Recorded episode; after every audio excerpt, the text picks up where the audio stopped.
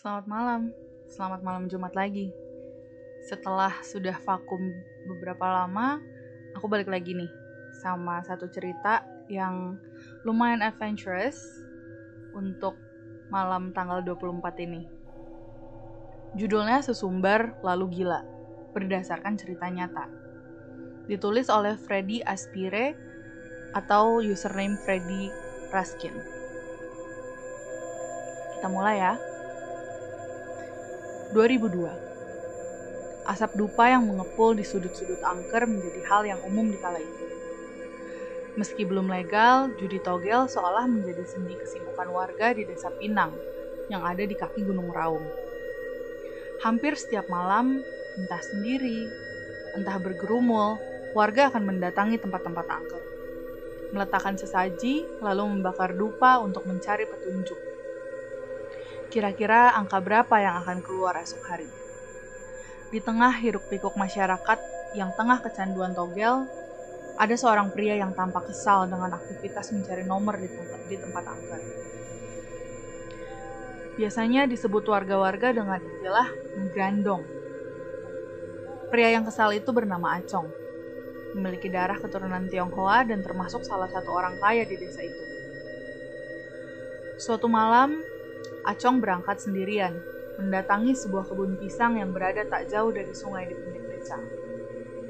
Di sana sudah ada beberapa pemuda yang berkumpul, termasuk Daryanto, Selamat, Rukian, dan beberapa pemuda lainnya. Kebun pisang itu menjadi salah satu tempat favorit bagi warga yang berandong, karena seringnya warga mendapatkan angka jitu setelah memasang sesaji di sana. Acong lalu menghampiri para pemuda yang duduk di sekitar warga yang sedang ngegrandong. Di tengah para pemuda itu, Acong langsung mengatakan ketidakpercayaannya kepada hal yang dilakukan warga.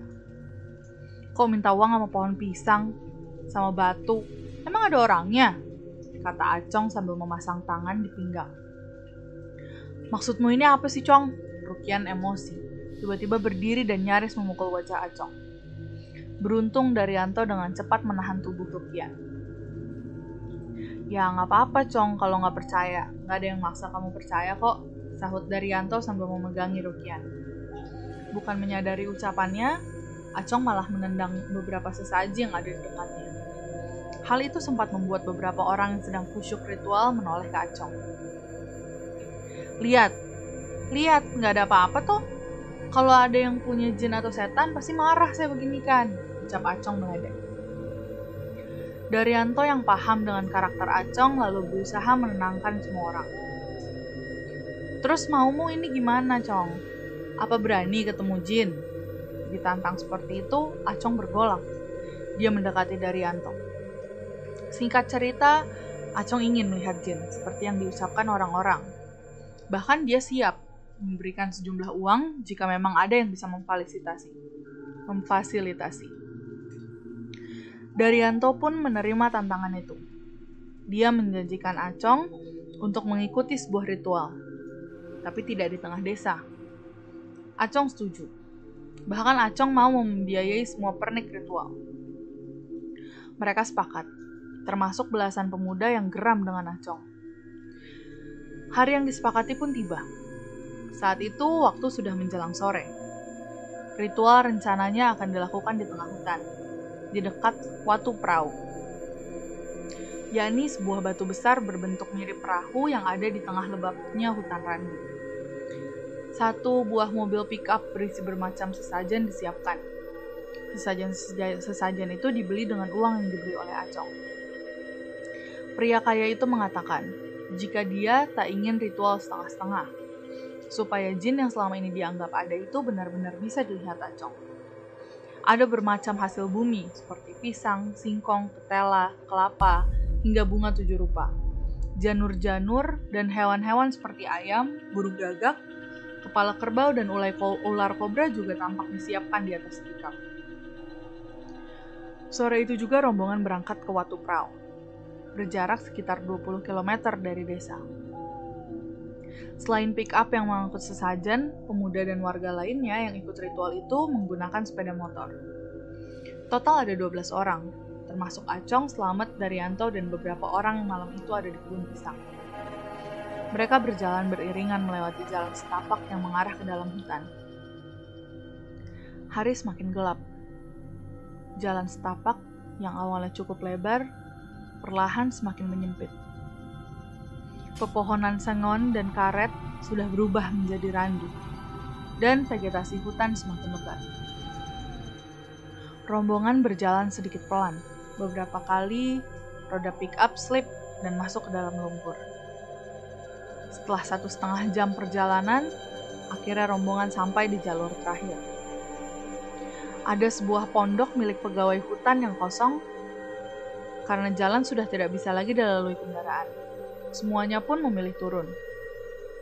Sepeda motor dijajar di sekitar pos hutan.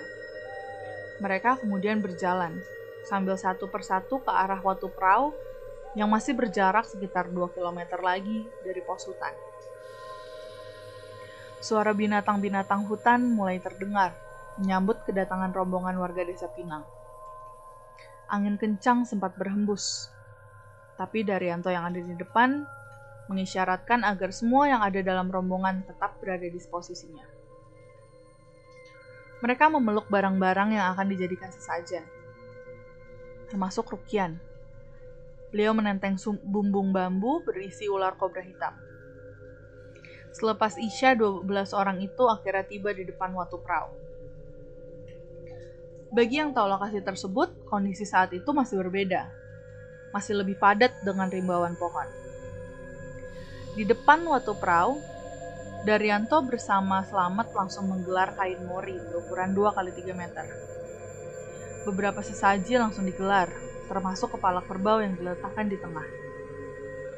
Ritual lalu dimulai. Sepuluh orang yang duduk melingkar di tepian kain mori. Daryanto dan Acong duduk bersila di dekat watu perahu. Dupang mulai dibakar. Daryanto mulai merapalkan beberapa mantra. Asap dupa membumbung mengelilingi sekitar watu perahu. Lalu dalam sekejap, suara-suara mendadak hilang. Tidak ada angin berhembus. Suara jangkrik dan burung celepuk juga mendadak bisu. Seolah waktu berhenti di sana. Dua hewan sesaji yang sebelumnya sangat aktif, yaitu gagak dan ular kobra, mendadak tenang. Daryanto lalu membuka bumbung bambu. Seperti diperintah, ular itu keluar dengan sendirinya seolah siap disembelih. Lalu dengan cepat Daryanto menyayat leher ular, meneteskannya ke bara dupa yang masih menyala. Setelah itu giliran burung gagak. Hal yang sama juga terjadi. Burung berbulu hitam itu seolah sudah tahu. Dia langsung hinggap di tangan Daryanto. Hal yang sama dilakukannya kepada burung itu. Gagak disembelih, lalu dikucurkan darahnya di atas bara dupa.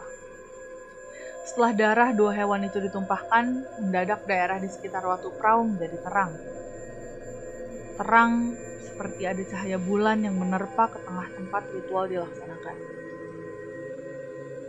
Cong, kalau kamu berani, sekarang kamu loncatin sesajen itu, kata Daryanto. Acong yang masih tampak angkuh lalu berdiri. Setelah menoleh ke semua peserta ritual, Acong langsung melompat ke sesaji. Tapi belum juga satu kakinya menyentuh tanah, tubuh Acong terlempar, seolah mendapatkan dorongan. Tak tanggung-tanggung tubuh Acong meleset 12 meter dari titik sesaji. Sebelas orang lainnya langsung menghampiri tubuh Acong. Mereka melihat tubuh Acong kaku, matanya melotot lebar. Wah, Acong mati nih, Dar. Gak ada nafasnya, kata Selamat. Sesaat setelah menyentuh tubuh Acong, semua yang ikut ritual langsung ketakutan. Mereka bingung, bagaimana nantinya jika harus pulang dalam kondisi membawa mayat. Saat mereka tengah fokus memegang Acong, angin kencang berhembus. Daryanto menyuruh semua orang kembali ke posisinya masing-masing. Sesaat kemudian di belakang Watu Prau ada flare-flare yang berjatuhan. Dari setiap flare yang jatuh, muncul sesosok makhluk kerdil bertubuh kekar. Bentukannya mirip, mirip dua rapala. Flare terus berjatuhan, jumlahnya ribuan. Ketika peristiwa itu berlangsung, 10 orang yang ikut dalam ritual nyaris berlari. Ada yang terkencing-kencing di celana, ada yang pingsan, ada juga yang berteriak histeris. Jangan ada yang pergi dari sini. Kalau pergi, saya tidak tanggung jawab, teriak Daryanto kepada semua orang. Mereka pun akhirnya menahan diri. Meskipun sebenarnya sangat ketakutan melihat wujud-wujud makhluk mirip buto kecil yang jumlahnya sangat banyak. Tiba-tiba payung tedung yang ada di atas suatu perahu terbang melayang. Payung tedung terus berputar-putar. Angin tetap meredup kencang. Dari ribuan buto yang memenuhi tanah di belakang watu perahu, tiba-tiba muncul lagi secercah cahaya yang lebih terang. Lalu keluarlah sesosok makhluk mirip dengan buto-buto yang sebelumnya. Makhluk itu menggunakan pakaian khas kerajaan. Ribuan buto kecil itu lalu memberikan jalan kepada makhluk tersebut, yang terus mendekat ke arah Daryanto dan yang lainnya. Makhluk itu memiliki tubuh kekar berwarna hijau, dengan siung yang panjang dari sisi atas dan bawah. Sepuluh orang yang duduk semakin ketakutan. Daryanto pun mulai bingung. Di satu sisi dia harus memastikan Acong masih bisa hidup. Di sisi lainnya, ada sepuluh orang ketakutan yang tidak tahu bagaimana nasibnya jika tidak segera ada tindakan. Di tengah kepanikan, Daryanto kembali membakar dupa. Dia menoleh ke kanan dan ke kiri, tidak ada lagi hewan yang bisa diambil darahnya. Akhirnya, Daryanto mengambil pisau, lalu mengiris jarinya. Meneteskan darah yang mengucur di atas dupa sambil terus merapal mantra. Asap dupa berbau darah terbakar meliuk-liuk di tengah situasi yang tak menentu. Setelah asap menyebar, tiba-tiba ribuan buto kecil itu mendelik langkah pemimpin mereka yang sedang berusaha mendekati Daryanto juga terhenti. Dalam hitungan menit, buto-buto kecil itu kemudian kembali berubah menjadi cahaya api, terbang kembali ke atas, sama seperti saat mereka berdatangan. Angin yang sempat kencang saat itu mendadak berhenti lagi. Daryanto kembali merapalkan mantra. Lalu payung tudung di atas watu perahu turun dan kembali ke tempatnya semula, diiringi suara ledakan. Ribuan buto yang sempat memenuhi darah itu perlahan menghilang, termasuk pimpinannya. Daryanto kemudian membebat luka di tangannya. Setelah itu, ia mengajak Selamat untuk menghampiri tubuh Acong yang masih terbujur kaku. Dengan bersimbah keringat, Selamat menurut perintah Daryanto. Dia mati nih, Dar, dia nggak nafas, ujar Selamat. Sudah, sudah, sudah. Ayo bantu. Jangan kamu banyak bicara, sahut Daryanto. Saat itu Acong benar-benar sudah seperti mayat hidup. Matanya melotot dan mulutnya sedikit menganga. Tidak ada nafas dan denyut nadi di tubuhnya. Daryanto dan Selamat membawa tubuh kaku Acong ke tengah kain mori. Semua sesaji sudah tercecer saat itu, karena ledakan yang terjadi saat payung tudung kembali ke posisinya. Daryanto meminta bantuan beberapa orang yang masih sadar untuk membungkus tubuh Acong. Malam itu, Acong dibungkus layaknya pocong, tapi tanpa terlihat wajahnya. Daryanto lalu kembali duduk bersila dekat watu perahu. Dia merapalkan beberapa doa, dan proses itu sempat berlangsung cukup lama hingga kemudian cahaya terang yang menyinari mereka menghilang. Beberapa saat kemudian, tubuh Acong yang berada di dalam bungkusan kain mori bergerak-gerak. Daryanto lantas membuka bagian wajah Acong agar dia bisa bernafas. Hidup Dar, hidup lagi, kata Selamat bersemangat. Iya, tapi ini belum selesai. Ayo, dibangunkan yang lainnya. Kita pulang, jawab Daryanto. Akhirnya malam itu semua orang kembali ke desa Pinang, termasuk Acong. Tapi kondisi Acong tidak lagi sama setelah itu. Dia suka bicara sendiri, marah-marah sendiri, dan tertawa. Kondisi ini sempat menjadi rahasia antara Daryanto dan ke-10 orang lainnya. Tidak ada yang tahu peristiwa apa yang menimpa Acong malam itu. Istri dan keluarga Acong hanya bisa kebingungan dengan kondisi Acong. Acong menjadi pemarah, tidak mau makan, dan kerap berjalan sendirian di malam hari. Orang-orang sempat mengira Acong menjadi gila, lantaran sempat menendang sesajen di pohon pisang. Orang-orang tidak tahu jika ada ritual lain yang membuat kondisi Acong seperti saat ini. Kondisi itu berjalan sekitar 10 bulan lamanya. Keluarga Acong sudah pasrah, menerima Acong dalam kondisi tidak waras. Sampai kemudian suatu hari Acong mendadak sembuh, ingatannya kembali. Ternyata di sisi lain, kejadian gilanya Acong membuat Daryanto merasa bersalah. Meski Acong keterlaluan, tapi apa yang didapatkannya menurutnya terlalu berlebihan.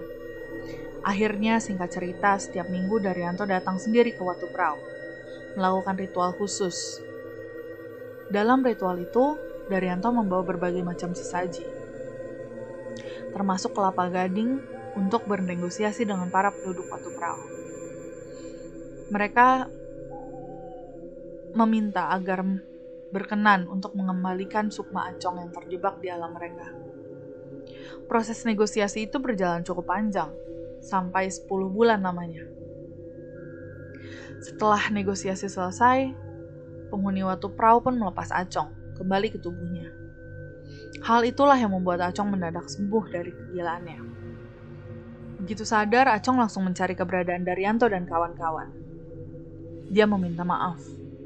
Daryanto dengan legowo memaafkan kesalahan Acong. Dia juga meminta maaf karena membawa Acong sampai jauh ke dalam ritual. Di tengah pembicaraan itu, Acung bercerita tentang pengalamannya sesaat setelah melangkahi sesajen. Acung mengatakan saat itu dirinya seperti diseret dua orang bertubuh kekar.